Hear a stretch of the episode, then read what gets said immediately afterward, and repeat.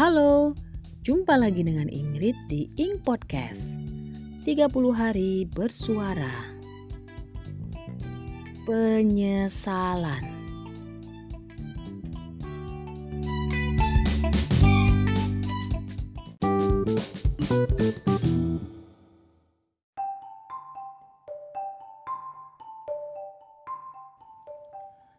Pernah gak sih kamu merasa menyesal saat mengambil sebuah keputusan? Mulai dari keputusan yang mungkin terkesan sederhana hingga yang begitu penting di kehidupanmu saat ini.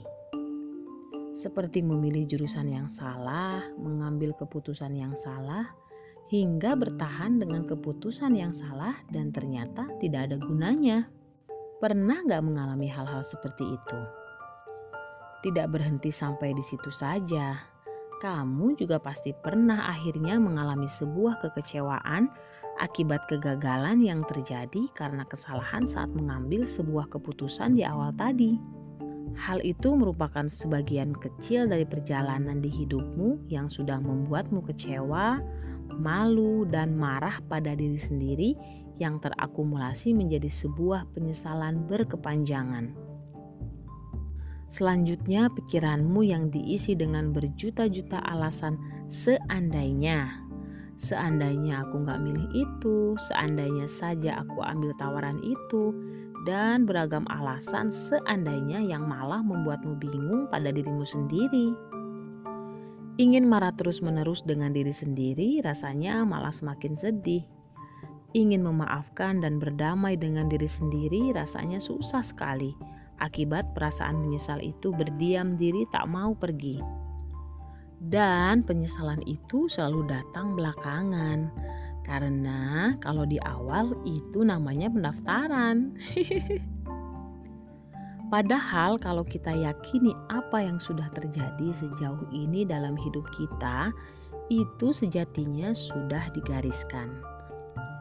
Seharusnya kita tidak perlu hanyut dalam penyesalan berlarut-larut dan tak usah berlama-lama dirundung rasa penyesalan yang justru bisa membuat diri kita menjadi terpuruk dan susah untuk bangkit. Sebenarnya apa sih itu penyesalan? Kalau mau sedikit kita tinjau kata penyesalan, menurut ilmu psikologi, maka kita bisa petik salah satunya menurut salah seorang psikologi sosial yang menyatukan bahwa penyesalan adalah keadaan kognitif dan emosional yang menyakitkan karena menyesalkan sesuatu atas kelemahan, kehilangan, atau kesalahan. Hal ini didukung dengan pernyataan dari Zielenberg dan Peters tahun 2007 mengatakan bahwa penyesalan merupakan emosi yang memberi arah pada suatu perilaku di mana dapat digambarkan ketika sebuah ekspektasi yang kita miliki tidak sesuai pada kenyataan yang terjadi. Kurang lebih begitulah definisi tentang penyesalan menurut beberapa tokoh psikologi terkemuka tersebut tadi. Rasa penyesalan juga dapat memancing rasa sedih muncul karena stimulus dari ingatan atau pengalaman tidak menyenangkan yang sedang kamu alami. Misalnya, saat kamu stres akibat salah dalam memilih sebuah jurusan ketika kuliah. Misalnya, padahal stresnya tentang salah jurusan, tetapi tanpa sadar otak kamu dengan lancangnya malah mengingat sebuah kejadian di masa lalu yang sebenarnya bisa saja saat itu kamu memilih jurusan yang lain dan tanpa sadar keluar pernyataan dari dalam diri. Penyesalan menurut penelitian yang pernah aku baca juga memiliki dua karakteristik, yaitu penyesalan jangka panjang dan jangka pendek. Penyesalan jangka pendek dapat muncul dari kesalahan yang kamu lakukan, seperti saat kamu berbuat salah yang membuatmu dihukum oleh guru atau dosen. Akhirnya, kamu menjadi menyesal melakukannya lagi.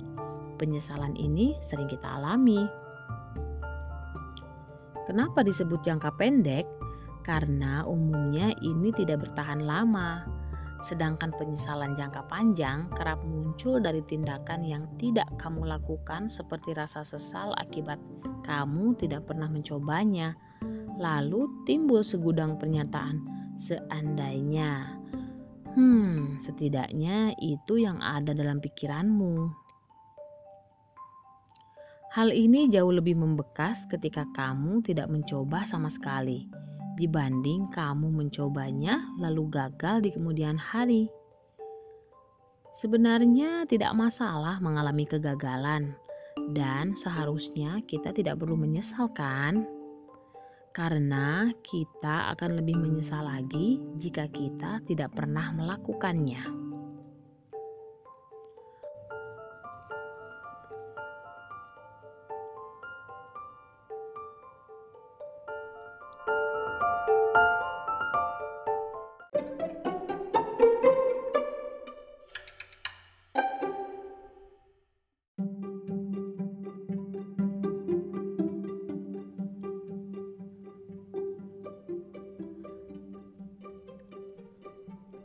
Quote hari ini.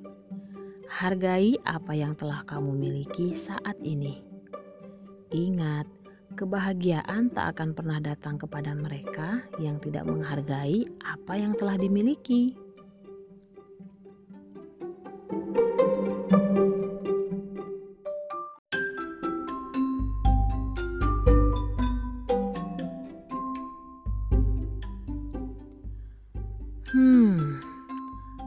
Tak pernah membuatku menyesal. Yang aku sesalkan, kenapa aku tidak mengenalmu lebih awal?